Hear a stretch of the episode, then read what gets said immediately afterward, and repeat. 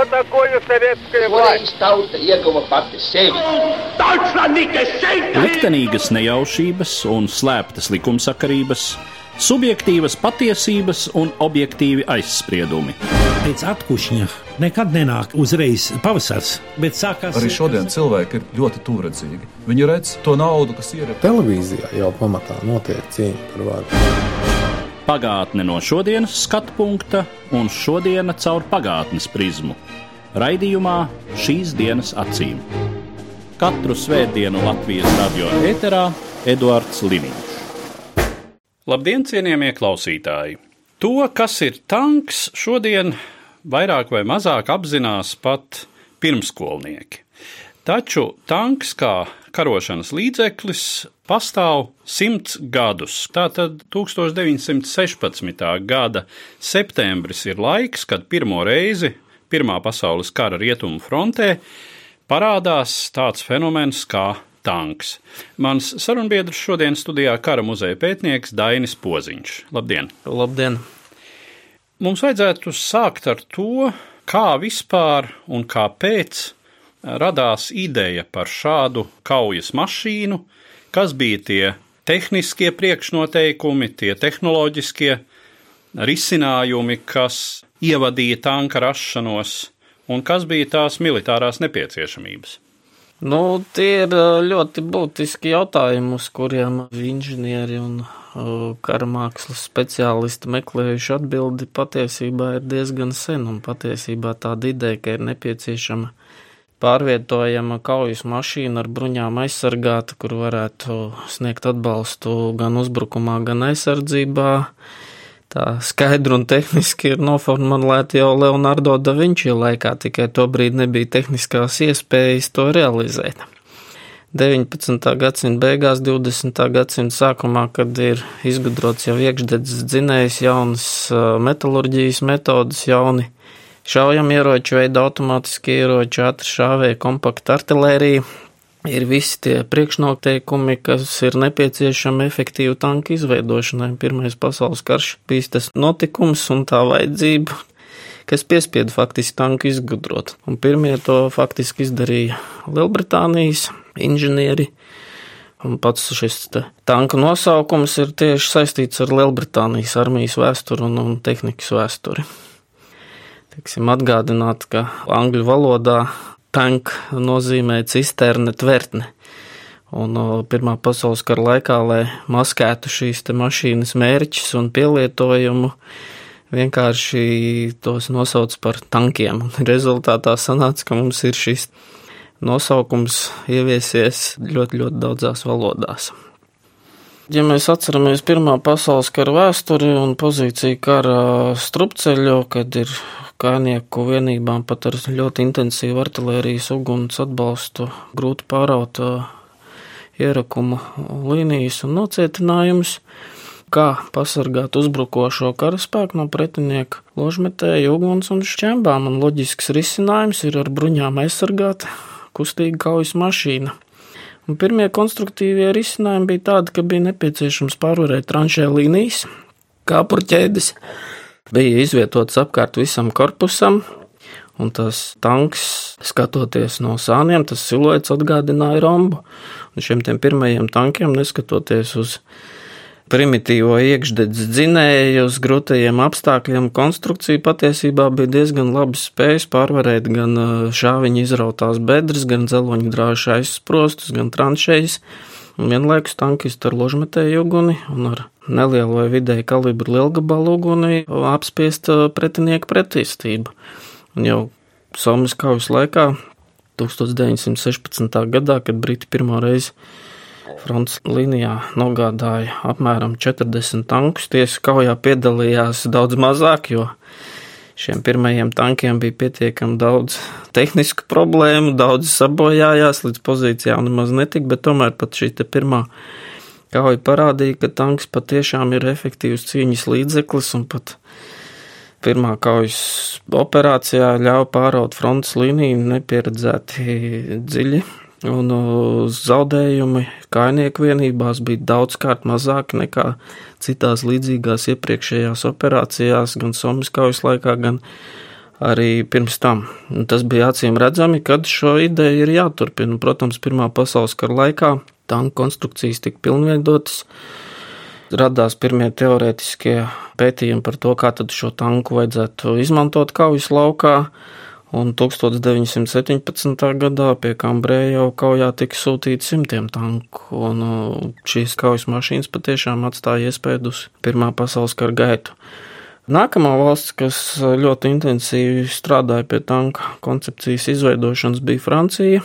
Franču kompānija Renault radīja tanku Renault FT, kuram bija viss klasiskā tanka, mums pierastās tās īpatnības vadītājs mehāniķis tanka priekšgalā, tanka vidusdaļā.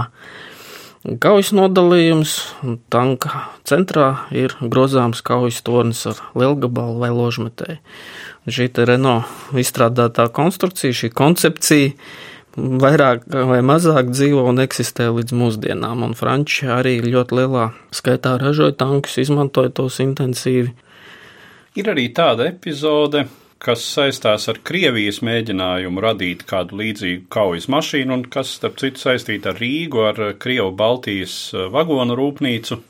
Par Hovščikovu tanks, kas tika izgatavots un izmēģināts eh, Rīgā, bet ar Krievijas armiju un tehniskām idejām problēma ir tā, ka Krievijā labas idejas gandrīz nekad negūst tālāk attīstību, jo nepietiek ideja izvirzīt, īsts sasniegums ir ar to brīdi, kad šī ideja kļūst masveidā pielietojama. Runājot par tālāko tanka kā kaujas līdzekļu attīstību, kas tad notiek laikā starp abiem pasaules kariem? Kāda ir tā pirmā pasaules kara pieredze, ar kuru tad tiek strādāts? Pārmaiņas starp pirmā pasaules karu un otro pasaules karu ir ļoti būtisks un ir ļoti būtisks atšķirības, kā dažādas valstis šo pieredzi veidoja. Un te noteikti ir jārunā par to, kas notika Vācijā un Padomu Savienībā.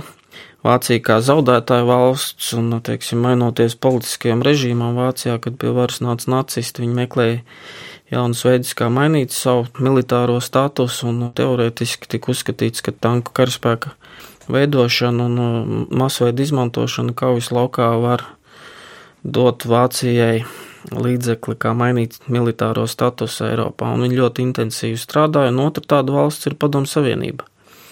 Savukārt Rietuma Eiropas pusē uzvarētāji Lielbritānija un Francija pēc pirmajiem panākumiem Pirmā pasaules kara laikā tā tēlēni sakot faktiski ieslīga pašapmierinātībā.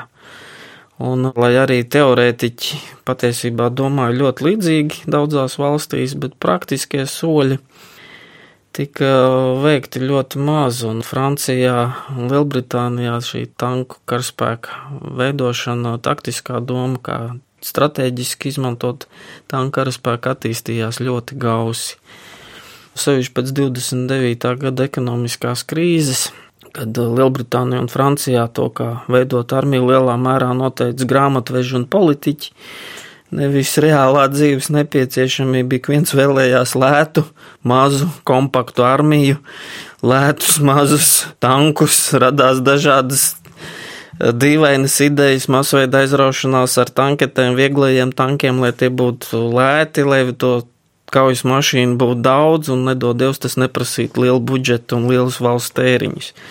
Protams, reālā kardarbībā jau pirmie 30. gadu konflikti parādīja, ka šīs vāja aizsargāto, vāja apbruņoto mašīnu kaujas spējas ir visnotaļ ierobežotas, un cerība iegūt lētu, masveidu ar kara tehniku apbruņot armiju, tā ir neveiksmīga koncepcija. Un tad faktiski attīstījās ļoti strauji tas tanku novirziens, ko tolaik dēvē par vidējās klases tankiem, kas patiesībā to brīdi atbilda visuniversālākā veidā ikdienas kaujas lauka prasībām apmēram 3 līdz 4 colu kalibra lielgabals, tas ir no 50 līdz 76 mm, kam pietiekami kompakts stobrs, nav smags, bet ir jau šāviņš pietiekami jaudīgs. Apmēram 3 līdz 4 cilvēku apkalpe. Aizsargāt nocietinājumu pozīciju pāraušanai attīstījās smagā tanku koncepcija, un tie faktiski vidējie un smagie tanki arī bija galvenie, kas noteica toni kaujas laukā. Otrā pasaules kara laikā.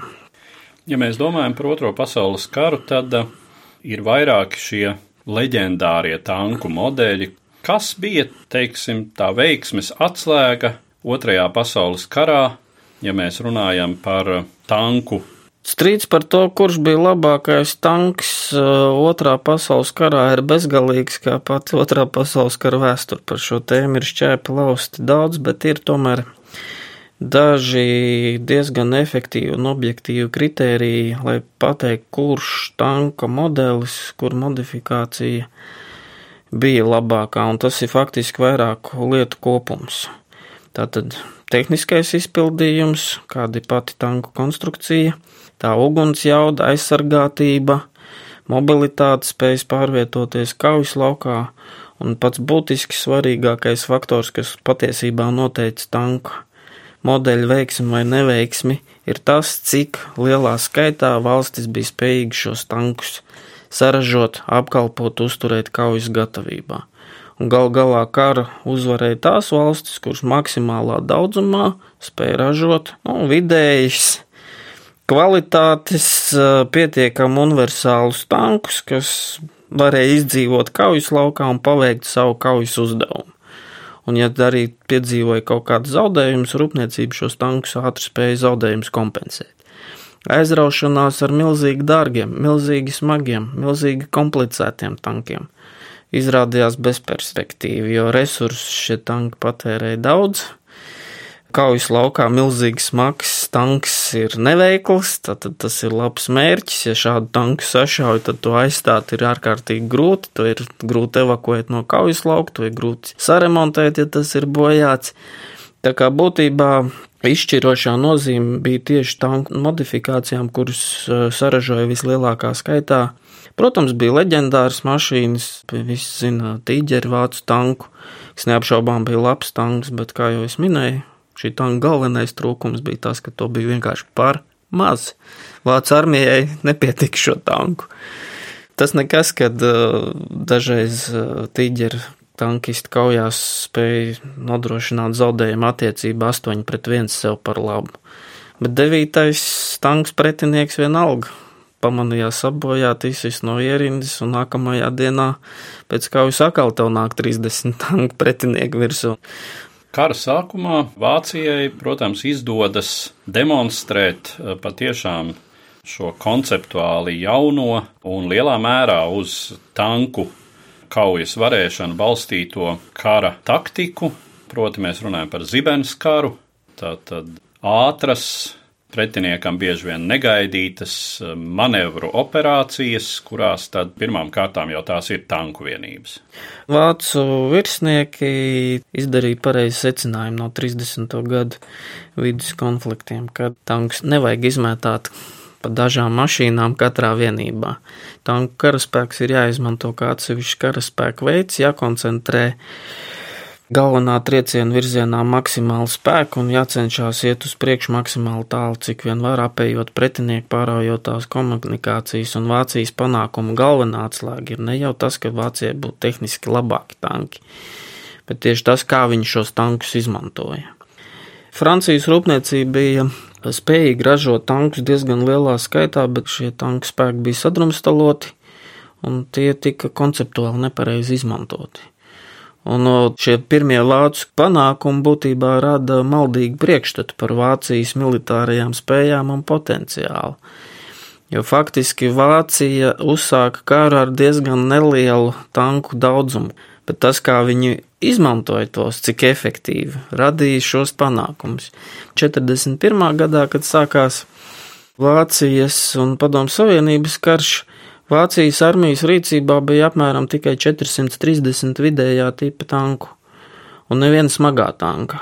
Padomu Savienībā jau bija gan T-34, gan KV-1, gan KV-2, kuriem vispār analogu pasaulē nebija ne pēc bruņa aizsargātības, ne pēc dzinēja jaudas, ne pēc lielgabalu uguns jaudas. Taču 41. gada vasarā gan 30. gadu tanki, gan 40. un 41. gadā ražotie jau modernie tanki tika sakauti tā kā spēlējoties. Tāpēc, ka ir izšķirošais pārsvars izšķirošajā vietā. Ir tieši tā. Laiks, vieta, Vācu armijas panākumu noteica ne tik daudz vācu tehnikas kvalitāti, bet gan tas, cik slikti viņa oponenti izmantoja savus spēkus.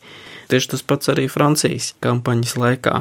Frančiem tanku bija daudz, bet tas, kā viņi viņus lietoja, bija faktiski taktiski un strateģiski pilnīgi nepareizi. Tieši tas pats arī attiecās uz Lielbritāniju. Protams, kara gaitā dabūnot sāpīgu mācību, pretinieki attapās, bet tā mācība tika gūta par ļoti dārgu cenu. Spilgtākās ilustrācijas tam, ko jūs pieminējāt par ātri, lēti un lielā skaitā saražojumiem, nu, tad tas ir padomju T-34 un amerikāņu Sherman. Tieši tā. Ir pat tāds nu, mazliet kurjos stāsts par uh, tiem pašiem Shermaniem. Shermans nebija ne tehniski ne pats labākais tanks, ne labāk aizsargātais, bet stāsts par kaujām Itālijas frontē, kur vācu pretanku artilērijas vienība diezgan efektīvi aizstāvējās, bet Viņi vienalga cīņu zaudēt. Kaujā par kalnu pārēju no apmēram 20 amerikāņu tanku sašauti, cīnoties pret faktiski vienu vācu pretanku artilēristu 88 mm lielgabalu bateriju. Amerikāņu zaudējumi šajā kaujā ir lieli, bet vācieši kauju zaudē. Un tad pēc tam nopratinot, nu, kāpēc jūs pametāt pozīcijas. Mums beidzās munīcija, bet Shermani nebeidzās. lielos karos, patiešām lielos bruņotos konfliktos, bruņojuma kvalitāte un kaujas spējas, protams, ir ļoti būtiski svarīgs faktors, bet tikpat svarīgs faktors ir, cik daudz pretinieki var nosūtīt uz kaujas lauku tehniku, ieročus, vai šie tehnika spēja izpildīt uzdevumus. Šermans ideāli atbild. Vēl izteiktā koncepcija, kad uh, spēks ir daudzumā strādāja Padomu Savienībā. Padomu Savienība arī tanku Ražošanu turpināja attīstīt ļoti intensīvi pēc otrā pasaules kara un padomu tanku. Armijas bija reāls spēks un reāls drauds NATO valstīm.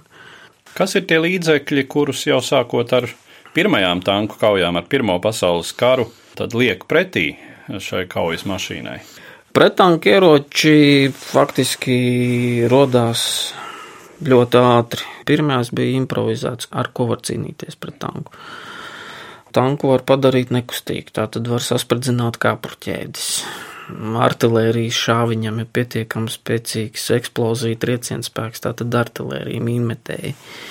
Tanku var apturēt ar vienkāršiem šķēršļiem, izroku bedri, tanks iekrīt vai grāvi platāk nekā spēj tanks pārvarēt, un tanks uz priekšu netiek, tanku var aizdedzināt. Līdz ar to jau Pirmā pasaules kara laikā sāk rasties arī specializēts pretanku šautenis ar uh, lielāku kalibru, apmēram 12 līdz 20 mm vieglie liela gabali 37 mm, kas bija pietiekami viegli, lai tos pārvietot kaujas laukā, teiksim, 20. un 30. gadu. Valsts apbruņojumā, ja skatās, ir ļoti izplatīti neliela kalibra pretanku lielgabali. Protams, labākais līdzeklis cīņai ar pretinieku tankiem ir tanks pretī nolikts. Runājot par tankiem un starpkara periodu, eh, kā bija ar tankiem Latvijas armijā? Latvijas armijā bija tanki, tos jau izmantoja neatkarības kara beigu posmā no daži no Lielbritānijas saņemtiem. Protams, 20. un 30. gados patiešām bija gan šie Mark 4 Lielbritānijā ražotie tanki, gan Fiat 3000 tipa tanks vieglais, kas faktiski ir franču Renault FT, ko ražoja Itālijā. 30. gadu beigās Latvijas armija tika papildināta ar vieglajiem 6 tonu tankiem, kas bija apbruņot ar 40 mm lielgabalu. Savus taktiskos uzdevumus ierobežotā mērogā šīs mašīnas pildīt varēja. Vienīgais tas, ka šis tanku spēks bija salīdzinoši nelieli. Tanku vienības prasa lielus ekonomiskos resursus. Un pretēji vispār pieņemtajam priekšstatam tanka eksploatācijas resurss ir diezgan ierobežots, jo braukt ar kāpurķēdēm pa ceļu, tad, tad mehānismiem ir liels slodzes, tanki bieži ir jāremontē un tanku karaspēku uzturēšana bija dārga gan 20. gan 30. gados, un ja, pilnveidojoties tehnoloģijām, šis prieks izmantot un uzturēt tanku karaspēku maksāja aizvien dārgāk valsts kasē, un būtībā tikai ļoti ekonomiski spēcīgas un tehniski attīstītas valstis ir spējīgas attīstīt patstāvīgu tanku konstrukcijas un uzturēt lielus tanku spēkus. Vispār, cik pēc otrā pasaules kara ir bijis eh, tādu tanku kauju? Būtībā neviens lielāks vai pat neliela mērogā konflikts pēc otrā pasaules kara nav iedomājams bez tanka izmantošanas. Gan Arābu Izraēlas karos, gan Korejas karā, gan Vietnamas karā, gan uh, Irānas Irākas karš. 80. gadu viens no lielākajiem kariem tankiem ir bijusi vienmēr izšķiroša un būtiska nozīme. Protams, ir tāds pavērsienu punkts 91. gads, Persijas līča karš, kas radīja dažos ilūziju, teiksim, Irākas armijas tanku zaudējumu, ka tanks ir savu laiku pārdzīvojis. Aviācija var iznīcināt diezgan vieglu tanku. Un ka tanku ēra beigsies, un kad mūsdienu armijai vairs nav vajadzīga liela tanku spēka, bet vēlākie konflikti, tas pats 2003. gads, otrais Persijas līča karš, mūsdienu konflikti Afganistānā, Irākā, tagad Sīrijā arī pēdējie notikumi Ukrainā rāda, ka tanks vienalga ir tas kaujas līdzeklis, kas piešķir jebkurai kaujas vienībai stabilitāti. Bez tanka neviena militāra operācija, sekmīga militāra operācija nav iedomājama. Un ir sagaidāms, ka tuvākajā laikā tanku būvē, tanku konstruēšanā būs ļoti būtiski sasniegumi un gan taktiskas, gan tehnoloģiskas pārmaiņas. Arī mainās tas valstu lokus, kas spēj ražot un attīstīt modernus tanku spēkus. Pēdējā laikā ļoti būtiskus tehniskos jaunievadumus gan skaita, gan apjoma, gan tehnoloģiska progresa ziņā, gan industriāla rūpniecības attīstības ziņā vispirms ir veikusi Ķīna. Ķīnas tanku spēki ir viena no lielākajiem pasaulē, un šobrīd tie kļūst arī vieni no tehniski labāk apgādātajiem nobruņotiem pēdējie ķīniešu tanku. Rūpniecības sasniegumi patiesībā ir iespaidīgi pietiekami labas mašīnas, un ja viņi spējīgs ražot tos lielā skaitā, tad nevienam smieklu nenāks drīz. Es esmu redzējis tādus publikai nepārlieku plaši pieejams materiāls par militārajām mācībām Ķīnā. Nu, tur tas mērogs ir tāds, kāds te Eiropā, nec Krievijā pat sapņos nerādās. Tas tehniskais progress, ko Ķīna ir veikusi 20 gados militārajā rūpniecībā, ir visnotaļ liels, un ja kādreiz uz Ķīnas militāro rūpniecību raudzījās diezgan skeptiski, kā viņi nodarbojās ar kopēšanu tikai un vienīgi, tad šobrīd šis stāsts jau sāk mainīties. Runājot par šī brīža pasaules izcilākajiem tankiem, ar tankiem un mašīnām, tāpat kā ar jebkuru praktisku lietu, ir galvenais kriterijs nevis tas, cik daudz eksperti un žurnālisti dzēsē muti, bet tas, ko konkrēta kaujas mašīna spēj paveikt kaujas laukā. Un reāli kaujas laukā sev izcili ir parādījuši amerikāņu Abrams, Britu Challenger. Zaudētāju pusē, teiksim, Irākas armijā T-72, lai arī tie zaudējumi Irākas armijai bija milzīgi lieli, arī Krievijas iekšējos konfliktos Čečenā Krievijas tanku spēku zaudējumi ir lieli. Šos mašīnas par zemu novērtēt nevajag amerikāņu tankists, ar kur runāja ar amerikāņu sagatavošanas metodēm, ja mūsu apkalpes būtu iesaidināts šajos Krievu tankos un nepieredzējis tankists brauktu kaujā ar amerikāņu Abrams, šie modernos tankos sēdošie vāji apmācītās apkapāžas būtu samaltas pilnīgos miltos. Tā kā arī Krievijā ir pietiekami labi tanku inženieri un arī Indija strādā pie militārās rūpniecības, tas pats notiek Turcijā. Tas pats notiek Pakistānā. Izraela, protams, ir īpaši atsevišķs stāsts. Izraels tanki ir savam reģionam izcili, bet viņi ir specializēti tieši Izraels armijas vajadzībām un tuvu austrumu reģionam projektētam veidot mašīnu.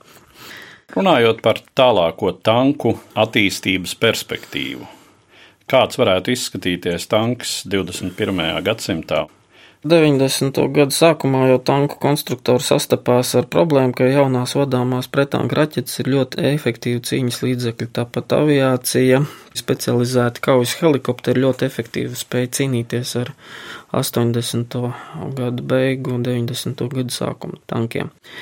Līdz ar to tajā periodā jau tika izstrādātas teorētiskas koncepcijas, kā paaugstināt tanka spējas izdzīvot kaujas laukā, Un acīm redzamais risinājums ir ieviest vairāk līmeņu aktīvo aizsardzību, tātad tankus sāk aprīkot ar aktīvās aizsardzības sistēmām, kas ne tikai traucē pretiniekam notēmēt, vadīt raķetes, bet arī iznīcināt vadāmās pretanka raķetes, reaktīvo granātmetēju granātas un pat eh, pārtvert eh, pretinieku tanku lielgabalu bruņasitēju šāviņus.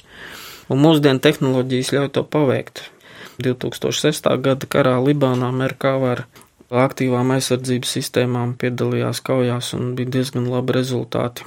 Protams, Krievija intensīvi strādā pie šāda tipa tehnoloģijām, un šāda tipa aizsargāta tanki šobrīd tiek izmantot Sīrijā, un, teiksim, otrās paudzes pretanku ieročiem, tau divu vadāmajām pretanku raķetēm ir problēmas sašaut T-90. Otrs ir tehniskais virziens, protams, joprojām strādā pie tanka konstrukcijas dizainu. Un tas viens no tehniskiem risinājumiem ir radīt autonomu kaujas torni bez apkalpes. Tātad tas ļauj ietaupīt 5 līdz 6 tonnas masas.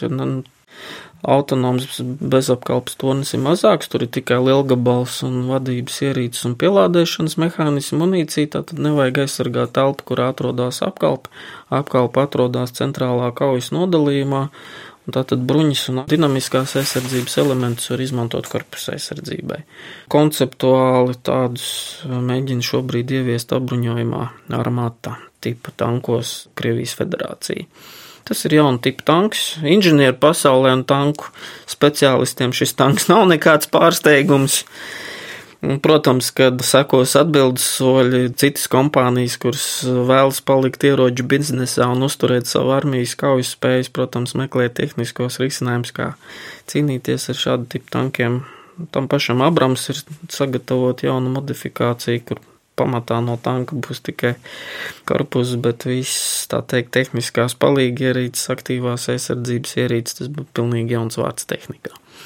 Ļoti efektīvi strādā inženieri, vismaz tehniskā līmenī ļoti interesantas mašīnas ražo Dienvidu Koreja.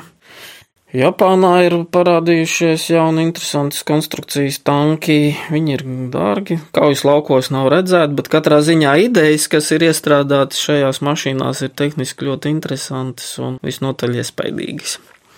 Tā kā visās modernajās lielvalstu armijās tanki būs, tanks no kaujas lauka nekur nepazudīs. Vienīgais strīds bija būtībā par to, kuri būs tie pretinieki, kur sacentīsies viena ar otru. Jo, piemēram, skatoties uz Eiropas militāro rūpniecību, uz vidēju un pat diezgan lielām valstīm, ir skaidrs, ka Daudzi bijušie un ietekmīgie spēlētāji tanku industrijā izkritīs no spēles, tāpēc ka viņi vienkārši nevar konkurēt ar superlielu valstīm vai ar jaunām augošām valstīm, kuras ir gatavas investēt tanku tehnoloģijās un karaspēkā. Amerikāņi ļoti nopietni strādā pie savu tanku tehnoloģiju modernizācijas un ļoti uzmanīgi novēro to, kas notiek Ķīnā, Krievijā vai Indijā. Tiksim, militārās kompānijas un lielvalstis ļoti rūpīgi seko, ko dara kaimiņi. Un tā kā mūsdienu pasaulē faktiski kaimiņi ir visi. Nu, īstenībā, jā, pasaule ir maza, globalizācija skar arī militāro rūpniecību un tehnoloģijas. Principā neviens bruņojuma ražotājs nevar atļauties atpalikt, ja viņš vēlas palikt ieroču tirzniecības tirgu, ja viņi vēlās nodrošināt savu valstī kaut kādu drošību un statusu, tad viņiem ir jāturās kopā ar tehnoloģisko progresu. Vienīgā problēma ir tā, ka tas attiecās uz Eiropas valstīm, kad Eiropieši ir pieraduši dzīvot mierā. Un mums šķiet, ka šie konflikti notiek tālu un kad Eiropas valstīm nav nepieciešamas lielas armijas, nav nepieciešamas investīcijas un Eiropas firmām kļūst aizvien grūtāk konkurēt mūsdienu produktu uh, radīšanā, konstruēšanā, jo problēma ir tā, ka Eiropas valstis nepērk tankus. Un uzvarētāji šajā sacensībā ir tie ražotāji, kuriem ir stabili klienti, kur var paņemt lielu ieroču daudzumu, tātad katras saražotās tehnikas vienības cena krītās. Un līdz ar to Šie apjomu ražotāji no lielvalstīm, superlielvalstīm daudz vieglāk var konkurēt arī starptautiskajā ieroču tirgu, jo viņu piedāvātais produkts jau ir akceptēts. tā teikt, izcelsmes valstī, kā lietošanai derīgs, un tā pašizmaksa ir lētāka. Tieši tāpēc arī amerikāņu, ķīniešu, krievu ieroču ražotāji dominē ieroču tirgu. Ja Eiropas valstis nesadarbosies militārajā jomā, tad baidos, ka Eiropa bezcerīgi atpaliks militāro tehnoloģiju jomā sevišķi sarežģīto. Dažas nozars, kur šī sadarbība ir aviācijā, patiesībā Eiropas firmas kurās piedalās vairāku valstu kapitāls, darbojās diezgan sekmīgi starptautiskā tirgu. Bet nu, tanku nozara ir šajā jomā pabērnu lomā. Lai gan mēs varam pieņemt, ka tieši pēdējo gadu notikumi var likt Eiropai mazliet sapurināties. Nu, projekta līmenī ir, bet politiski vērojot to, kas notiek Eiropā un kādas tās politiskās problēmas un cik neizlēmīgi ir Mūsdienu politiķi man rodās tāda subjektīva sajūta, ka Eiropieši atkārto 30. gadu demokrātiju kļūdas. Mēs negribam tērēt naudu par armiju, tie tur ir kaut kādi tur kaimiņu kari, par kuriem mums nav nekāda darīšana, un lieciet mūs mierā, mēs te vienosimies ar agresoriem, runāsim. Kā teica Čerčils, tas, kurš nodarbojās ar nomierināšanu, ir cilvēks, kurš baro krokodilu cerībā, ka viņi apēdīs pēdējo, un šis uh, teiciens ir spēkā arī mūsdienās. Ar to mēs arī tad noslēgsim mūsu šodienas sarunu, kas bija veltīta tanku attīstības vēsturei simt gadu laikā, kopš šis ierocis ir parādījies kaujas laukos. Un saku paldies manam sarunbiedram, kara muzeja pētniekam Dainim Poziņam. Paldies! Katru svētdienu Latvijas radio viens par pagātni sarunājas Eduards Līniju.